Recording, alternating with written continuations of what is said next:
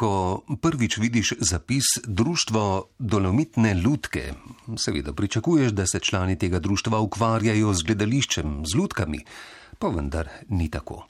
Dolomitne ludke so namreč ime geoloških struktur, ki nastajajo v kraških kamninah na stiku apnenca in dolomita pa o tem več v oddaji nedeljska reportaža. Društvo ima svoj sedež na Bloški polici, ki je nekako na sredini med tremi najbolj prepoznavnimi točkami: gradom Snežnik, Križno jamo in Cerkniškim jezerom.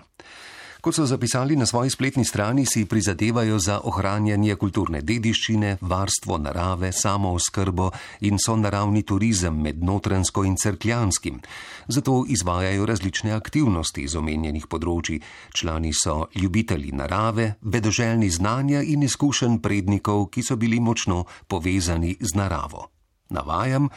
Ljudje smo preprosti drobci narave, naša moč je v sozvočju z njo, Tu je naše poslanstvo. Raziskujemo, stikamo, vohamo, opazujemo, prisluhnemo, odkrivamo, podoživljamo, obujamo in prenašamo znanje. Jemo preprosto in zdravo in to delimo z drugimi. To nas veseli in zanima to nas samo uresničuje. Skupaj rastemo, kot rastejo ljudje od rojstva do smrti, kot tudi drevesa, kapniki, zgodbe in gobe. Imamo dolgoletne izkušnje na področju raziskovanja in varovanja jam in krasa, opravljene izpite za jamarje, jamske vodnike po turističnih jamah in lokalne turistične vodnike. Že dve desetletji smo aktivni na področju regijskega turističnega vodenja, organizacij delavnic in dogodkov za različne ciljne skupine z področja turizma, samooskrbe ter varovanja narave in kulturne dediščine. Konec navedka. Društvo Dolomitne Lutke bomo spoznali v nedeljski reportaži. Njen avtor je Milan Trobič. thank you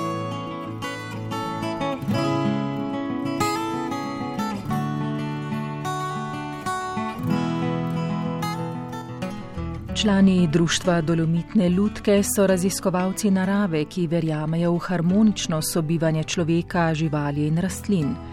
Prepričani so, da v vsakem človeku tli iskra raziskovalca. Zato so za svoje obiskovalce pripravili zanimive dogodivščine in programe, ki jih popeljajo skozi naravo in kulturno dediščino notranske. Tu ne stavijo na množični instant turizem, ki ima za obisk turističnih točk točno odmerjen čas in se strogo drži programa. Njihova usmeritev je drugačna. Ko se pripelješ do sedeža njihovega društva na Bloški polici, je zanimivo, da stoji hiša na pomembnem križišču, kjer en krak vodi na bloke, cajnarje in potem na Dolensko, drugi pa pelje mimo križne jame v starodavno mesto Lož in naprej proti Babnemu polju ta lega je taka, kot bi namigovala na to, da tu ne boš našel klasičnega turizma z znano turistično agencijo, ampak nekaj drugega. Stopiš iz avta, pod nogami zaškriplje januarski sneg in nekaj korakov zatem te objame domača toplina za kurjene sobe. Radovednost ne da miru in s članico društva Polono Klaužar začnemo pogovor o nenavadnem imenu njihovega društva ta izraz dolomitne lutke mi je bil že odskos všeč, odkar vem za njega. Kot geomorfološki pojav v jamah, tudi v nekaterih jamah tukaj na notranskem ga lahko vidimo. In sicer gre za to, da ko voda dere svojo močjo, odnaša mehkejše dele dolomita in potem nastanejo take zelo zanimive oblike, skulpture, taki možicli, imenovani dolomitne lutke. No in ko smo izbirali ime, se nam je pač ta izraz zdaj primeren, ne samo simpatičen, ampak tudi primeren zato, ker predstavlja tudi stvari, ki jih znotraj društva počnemo.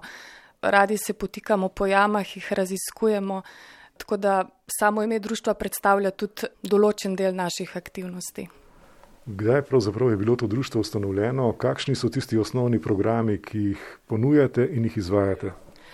Društvo je nastalo nekje štiri leta nazaj in sicer na pobudo Mateja, ki je tudi predsednik društva. In sicer se mi zdi, da si je on želel ustanoviti eno društvo, ki ne bi bilo povezano samo z jamami, ampak bi izvajalo tudi nekatere druge programe z področja ohranjanja naravne in kulturne dediščine.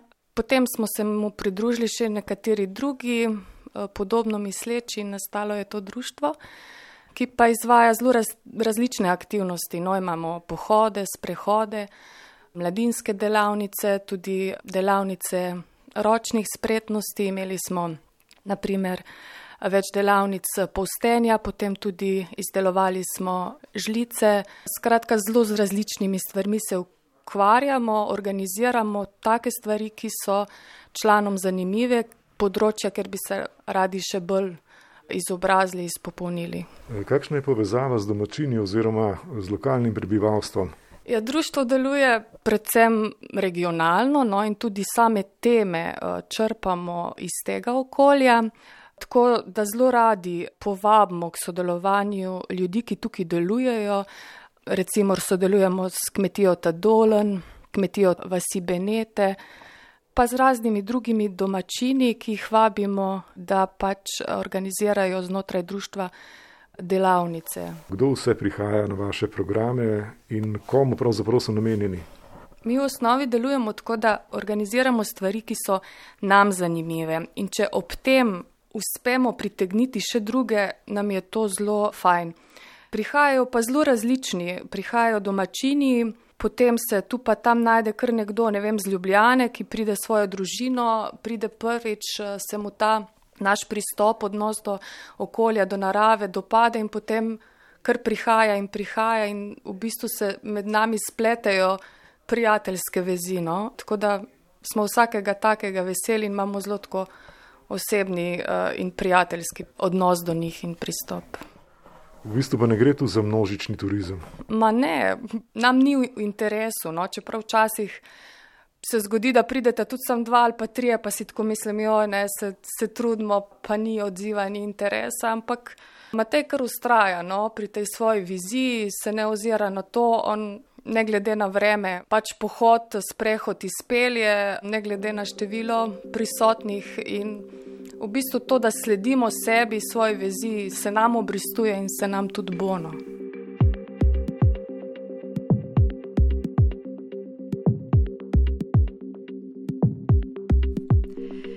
Predsednik in ustanovitelj društva Dolomitne lutke Matej Kržič, geograf in jamar, pravi, da imi društva kaže, da gre za neko drugačno ponudbo. Dolomitne lutke so namreč geomorfološki pojav v jamah in so nekaj posebnega. Vsakdo v jamah opazi predvsem jamsko okrasje, kapnike in mogoče kako jamsko žival ali vodo, redkeje pa vidi dolomitne lutke. In tako je tudi pri njihovem društvu, ki je nekaj drugačnega, saj ponujajo drugačne programe. Tak primer je raziskovalni turizem. Matej Kržič. Ti običajni termini v turizmu so, so naravni, trajnostni, to je že nekako upeljano. Ne? Zdaj, eh, raziskovalni turizem pa je bil za nas tudi neka postavitev tega gosta usporedno s vodnikom ali pa s tistim, ki za njega skrbi. V tem primeru raziskovalca ali zdaj to neki profesor, nek doktor, ne vem, znanstvenik ali pa pač samo domačin, ki želi raziskati neko temo, neko področje in temu se pridruži gost in skupaj potem to raziskujeta, občudujeta, spoznavata, zapisujeta in tudi seveda objavita, ker cilj raziskav je, da se nekaj objavi in tudi ta turist, ko pride, ne samo, da tam nekaj uživa, ampak tudi potem se mu nekaj premakne v glavi, v razmišljanju in potem tudi to objavi ali pa posreduje naprej, ne sprav izobražuje nekega, ne svojega sovaščana ali mogoče družinskega člana. Koliko so ljudje, domačini, pripravljeni sodelovati v takih programih? Zelo, ker tukaj vendarle smo še na podeželju, spohod Notranska, pa tudi stran Javnika, Pivška, Iljersko Bistrica. Je še toliko ljudi, ki imajo neka svoja znanja ali pa zanimanja, pa ne bodo to kmetje, gozdari, jamari, vaški posebneži, ki imajo neke svoje zgodbe. In ko jih povabiš v sodelovanju, so takoj za in tudi za neke pohode, organizirane delavnice ali pa recimo, mladinske programe, ki jih imamo vsako leto. Ko povabiš tazga človeka, reče, ja, lej, a, o, otroci bodo prišli, pa no to pa že dolgo nisem nobenu povedal, pokazal in so navdušeni. Seveda jih moš pa prej najti, ne, ker um, taki ljudje običajno so bolj skriti, sami zase se držijo, tako da je treba za to poskrbeti. Vaša lokacija društva je nekako na sredi med dvema zelo zanimivima točkama, ki sta znani v širšem prostoru, grad Snežnik in pa Cerkniško jezero, eh, pa seveda tudi Križna jama, če še dodamo. Ampak kljub vsemu ni pa osrednji cilj, da bi vodili ljudi ravno v te ali pa na te točke. Ne, ravno nasprotno, te točke imajo že same po sebi neko že pripravljeno vsebino, ali pa lahko rečemo, da so tudi na meji nekega trajnostnega obiska. Tudi sami domačini jih že obiskujejo in so tudi poznane. Ne? Tako da tukaj ni niti cilj, niti um, neka ideja, da bi to širili. Mogoče kvečemu kar se tiče gradu Snežnik, ki je vendarle malo bolj zapostavljena lokacija, ampak ne kot sam grad, ampak njegova okolica v povezavi na to zaledje, to so javorniki, Snežnik. Tukaj pa skušamo nekaj teh programov pripraviti, pa tudi videti, kakšen je interes med domačini, ki tudi si želijo na no, malce več nekega tazga. Trajnostnega turizma in pa tudi zanimanja za te kraje. Uporabili ste tudi izraz samooskrbni turizem. Ja, to je tudi ena stvar, ki sem jo videl eh, tudi zunaj v tujini in pa tudi s kolegi smo se pogovarjali. Marsikje gostje tudi na naših kmetijah, turističnih ali pa drugih, dobijo možnost, da lahko grejo recimo tam spijo, potem pa za zajtrk si grejo vem, v vrt ali pa gredo nekaj otrgati svežo zelenjavo, sadje in podobno. To pa je ideja pri nas še mal nadgraditi v tem smislu, da so ti gostje zraven tudi res pri nekem usajenju, ugrabljenju se nam, ampak ne samo zaradi lepšega, ne, tako kot je marsikaj bilo, da so neke prikazi, pa prideš potem malo zraven, ampak če nekdo en teden pri nas, recimo, pa gre potem koze past ali pa seno pospraviti do beseno, da vidi, da tisto seno gre potem tudi do krave ne, ali pa do neke živali, pa recimo eh, nakrmiti kokoši, pa vzame jajc potem, ki ga ta kokož nese. Torej, te stvari, ki so osnovne za delovanje kmetije, plus neke druge stvari, ki so mogoče bolj sezonske, ampak najdemo v vsaki sezoni nekaj, recimo obrazovanje drevja, nabiranje kakšnih gob, zelišč. Torej, da ima ta gost možnost vsaj ne polovico, ampak še več kot polovico te hrane pojesti na te kmetiji, da je tudi sam nekaj za to prispeval. Ne? Se pravi, ne, da, da je vse dobil, domače na krožnik, ne domače marmelado, ampak da je tudi sodeloval pri tej marmeladi, da je skušal pripraviti.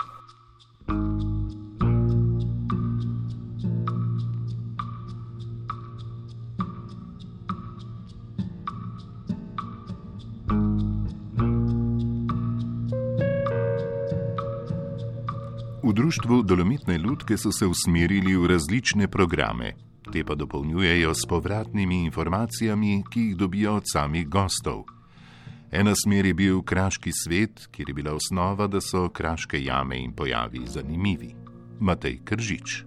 To je ena taka stvar, potem s tem povezano površje, recimo, če so to neki kraški pojavi, udornice, ostanki ledenikov na snežniku, to je ta krasoslovna zadeva.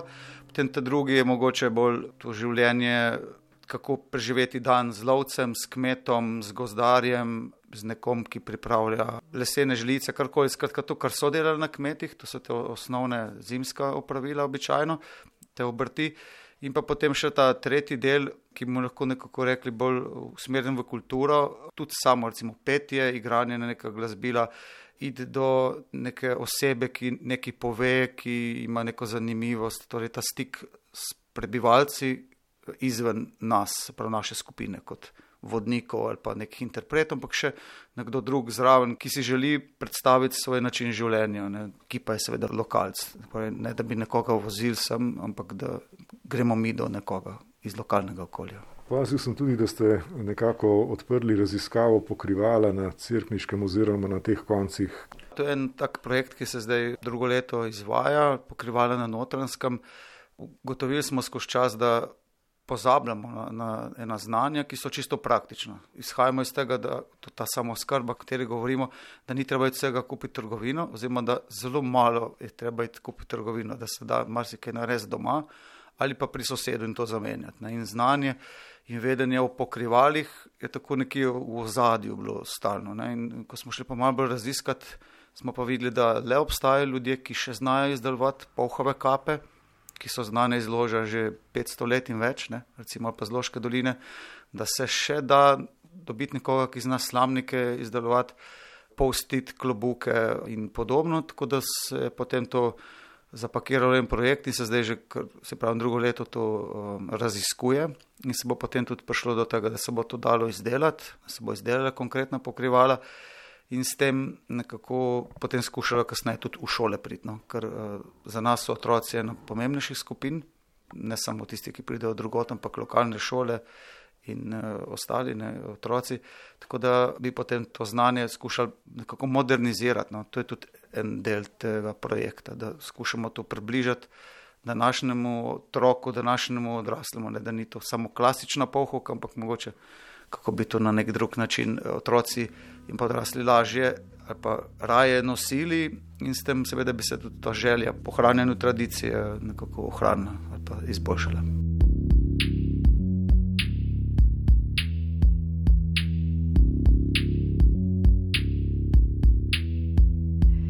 Seveda se postavlja vprašanje, kam se v sliko slovenskega turizma uvršča ponudba Društva Dolomitne Lutke. Matej Kržič. Ta termin zeleni turizem, ne, pa so naravni trajnostni, eh, se mi zdi, da nekako ne pije vode pri nas, da se dosta o tem govori, ko pa se potem dela konkretne programe ali pa neko povezovanje destinacij, se pa dela klasičen masovni turizem. Tako da sam koncept zelenega turizma, trajnostnega, se nam zdi zelo dober, ampak ga skušamo spraviti v tisto osnovo, iz kjer dejansko izhaja. Torej, da že v začetku postaviš meje okolja, koliko prenesejo domačini, koliko prenese voda, koliko prenesejo parkirišča, in da iz tam izhajaš in potem tam iščeš sodelavce, vodnike, torej izobraziš lokalno prebivalstvo. In če vidiš, da to ne gre, ne, ne skočiš takoj na to, da zdaj pa dajmo študente, pa zdaj dajmo pa nekoga iz neke druge pripeljati, ali pa če je preveč ljudi širiti parkirišče. Torej, da, da je koncept osnova in da čez to ne greš zaradi neke želje po več, po zmanjšanju stroškov in podobno. Odkje se financirate, glede na to, da uh, verjetno za vse te programe ne moreš računati samo na pristojbine, na članarino, na vstopnico ali kaj podobnega? Ja, kot društvo izkoriščamo to možnost, ki jo društvo imajo, da delujejo na obeh področjih, torej en ta neprofitni del, drugi pa profitni. In tam, kjer lahko zaslužimo nekaj denarja, seveda ga prav konkretno ponujem paketov, storitev, delavnic in podobno, to je pač čist na trgu. Delno, seveda, tukaj so uh, tuji turisti, tisti, ki nekaj dajo zraven, ampak vendarle smo bolj usmerjeni še zmeraj na domače kot na tuje. Potem pa seveda sporedno so tudi vse te možnosti razpisov, ki so za društva, za neprofitne dele, uh, občinski, regijski razpisi. Zadnja leta pa se kar uspešno prijavljamo na projekte lokalne akcijske skupine, torej za razvoj podeželja, ali kot prijavitelji, ali kot partnerji, izvajalci. Tako da ta širina, ne, kot samo skrba, pomeni več različnih načinov pridobivanja hrane in energije, tudi pri teh financah skušamo to razpršiti. Tisto, kar v tistem trenutku bolj nekako prinaša več smislu, da lahko potem delujemo nemoteno, da lahko še koga zaposlimo in podobno. E, koliko članov deluje v vašem društvu, koliko je sodelavcev, iz katerih panog področji prihajajo? Ja, trenutno je v društvu nekaj čez 40 članov. Od tega je, lahko rečemo, da jih je približno polovica iz notranske, ostali pa so drugoti iz Slovenije. Nekateri so postali člani, ko so se udeležili naših dogodkov, zato ker so našli en del sebe noter in so potem tudi skušali društvo to razvijati, po neka znanja ali pa tudi dele pohodništva, recimo, ne, ker nekoga bolj zanima kulturno pohodništvo in se je tam bolj našel. Profili so pa zelo različni. Že v ustanovitvi društva smo zelo različni od zgodovinarjev, geografov, agronoma, turistične delovke. Tako da to je bil ta sektor. No, zdaj ostali člani, ki se pa pridružujejo ali pa ki so šli kasneje, pa so dejansko vseh strok, od pravnikov, ekonomistov. In nekateri uh, so člani z tega svojega področja, sprav jih zanima to in so tukaj v društvu, drugi pa to izkoriščajo za neko možnost uh, odklopa, se pravi, da ne delajo tisto, kar delajo v službi pa potem raje tukaj sodelujejo recimo pri projektu raziskav o kapah, eh, pokrivalih, pa so pravniki, ne, tako da niso povezani s tem.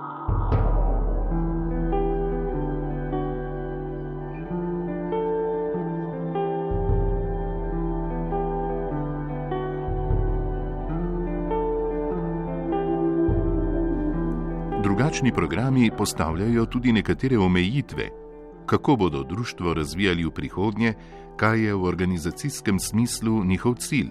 Matej Kržič.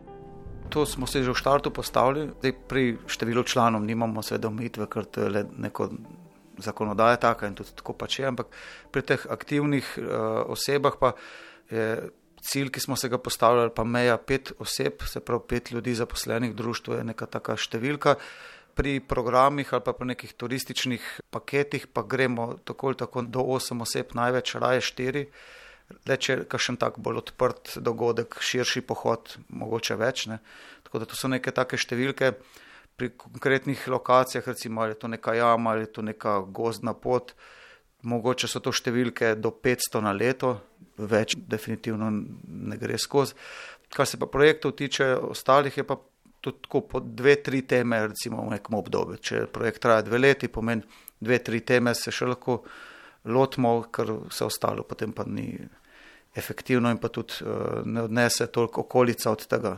Potem so samo neke knjigce, brošurce, ki jih daš na stran, pa to ni skomunicirano z ljudmi, kar pa misli recimo tako, kot je En tak primer je UNESCO dediščina na Snežniku, že tri leta je to območje del svetovne dediščine, pa praktično noben od lokalnega prebivalstva ne ve nič o tem. Ne. Pa so neki projekti, ki se s tem ukvarjajo, ampak če ljudi vprašaš, spoh ne ve za nič tasga. Kaj je še kakšen tak skrit, recimo zaklad ali pa skrita točka, v kateri se v širšem prostoru ne ve?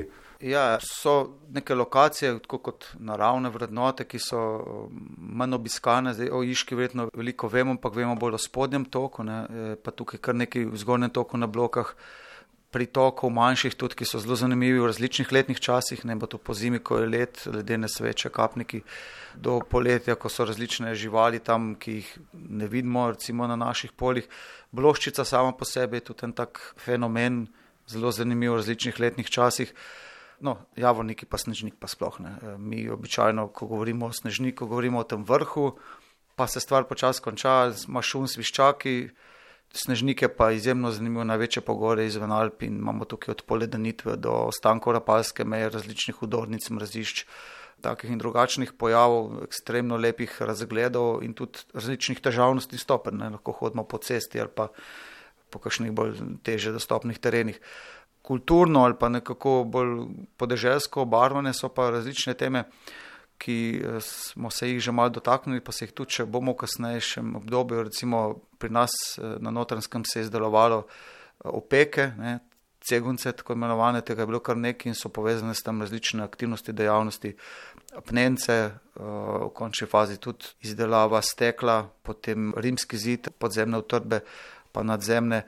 Rapalska meja je en del, ki se že nekako izkorišča, ampak te osnovne, ne, veliki objekti. Je pa tukaj dost majhnih detajlov povezanih s konkretnimi ljudmi, ki so pri nas živeli, sploh ne z vojskom, pa kako so recimo iz gostiln hodili igrati odbojko do neke kasarne, ko so imeli pred neko drugo vojašnico en najlepših vrtov ali pa gred, eh, sploh Sloveniji. Ne, tako da take stvari, ki še živijo med ljudmi, ki jih lahko nekdo avtentično pove, pa jih tudi potem lahko na terenu obiščemo in vidimo, kako je res nekje, neka ograda še zmeram ali pa neka škarpa in, in tako in potem. To da nekaj več človeku, kot pa samo če bi šel recimo, v jamo ali pa na vrh snežnika.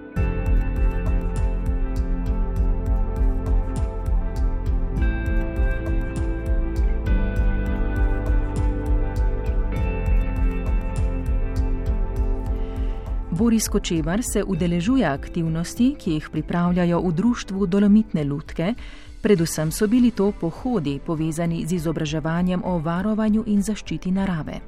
Posebni kraji ne, se ponovadi obiščajo v našem okolju. Šele zdaj spoznavam, da si ravno nisem eden tistih, ki tega prostora ne pozna. Ne.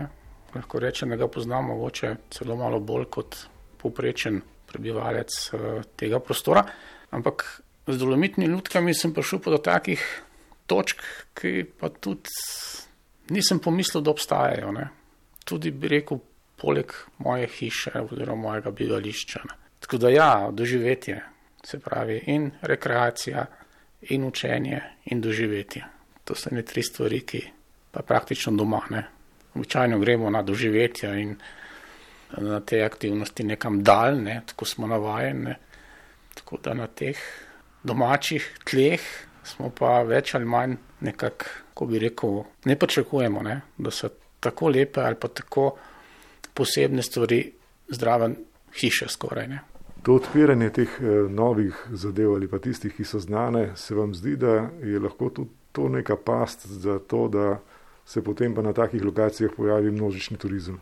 Glede na to, da so, bi rekel, vse te točke predvsej težko dosegljive, ne, treba predvsej peš hoditi ali pa se voziti z biciklom in da je način, ki ga eh, nekako eh, predstavlja to društvo, se pravi s lokalnimi vodniki oziroma z lokalnim vodenjem in omejeno število udeležencev, sem prepričan, da do prevelikega obiska in s tem degradacije tega okolja ne bo nikoli prišlo. Se vam zdi ta oblika turizma sprejemljiva za tako okolje? Tukaj bi rekel, da to ni samo turizem, ne, ampak to je predvsem izobraževanje in doživljanje prostora. E, mislim, da je to ena od oblik, ki je najbolj primeren za ta prostor.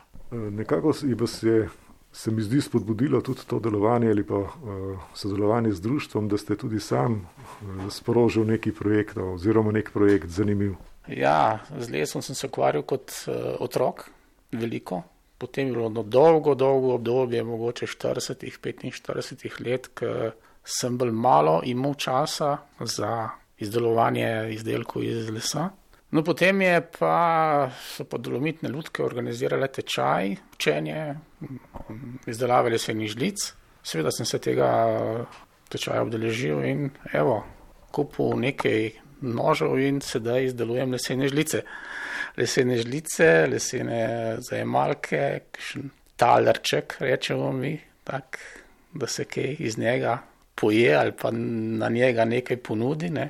Skratka, lesene izdelki, narejeni iz lokalnih lesov, ki mi rastejo, rekel, zdrave hiše. In, in ja, uživam v tem. Imate kakšen vzor pri tem uh, izdelovanju ali to gre čisto iz uh, lastne pobude? Ne vem, če bi bil kakšen vzor, bolj veselje, ne? obojeno živ, uh, veselje iz mladosti. Mladosti, mladost sem preživel ve, veliko časa na postrešju. Stari Ata je imel delavnico, ono staro delavnico s vešta tam, s žagami, leti, rezilnika, skratka vse te, vrtalka na roke. Ne? In sem skozi mladost naredil, ni da nisem naredil, ne, od ne vem, jadrnice do veter, ne, do kolesa, do so ni bomba, milijon zmajev, milijon čovničkov, ne, skratka ogromno tega in zdaj se mi je tole veselje spet uh, nekako obudilo ne, po tokem času. Tako da ja, uživam tem, no, ker vzamem kos lesa v roko, sekero obdelam prvo v grobem. Uh, v grobo obliko, žlice ali vilce ali pač nek eh, ta izdelek, ne, ki se ga zaenkrat v kuhinji rapne. Verjetno se bom lotil tudi kakšnih bolj zahtevnih stvari. Skratka, mi je fajn, v tem uživam. Ne.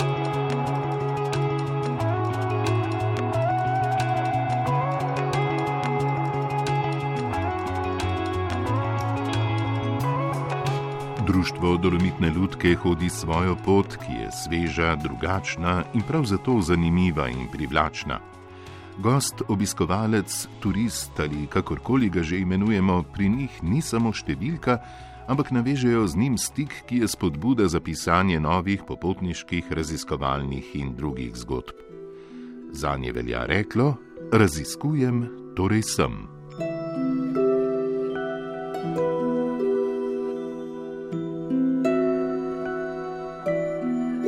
Spoštovane poslušalke, cenjeni poslušalci, to je bila oddaja nedeljska reportaža o društvu Dolomitne Ludke z Bloške police. Glasba Rudi Pančur, tonski mojster Franci Modr, brala Barbara Zupan in Ivan Lotrič, avtor oddaje Milan Trobič. Oddajo lahko spet slišite na spletni strani radio1.si, kjer najdete tudi zapis in fotografije. Dostopna pa bo tudi v vaši aplikaciji za podkaste.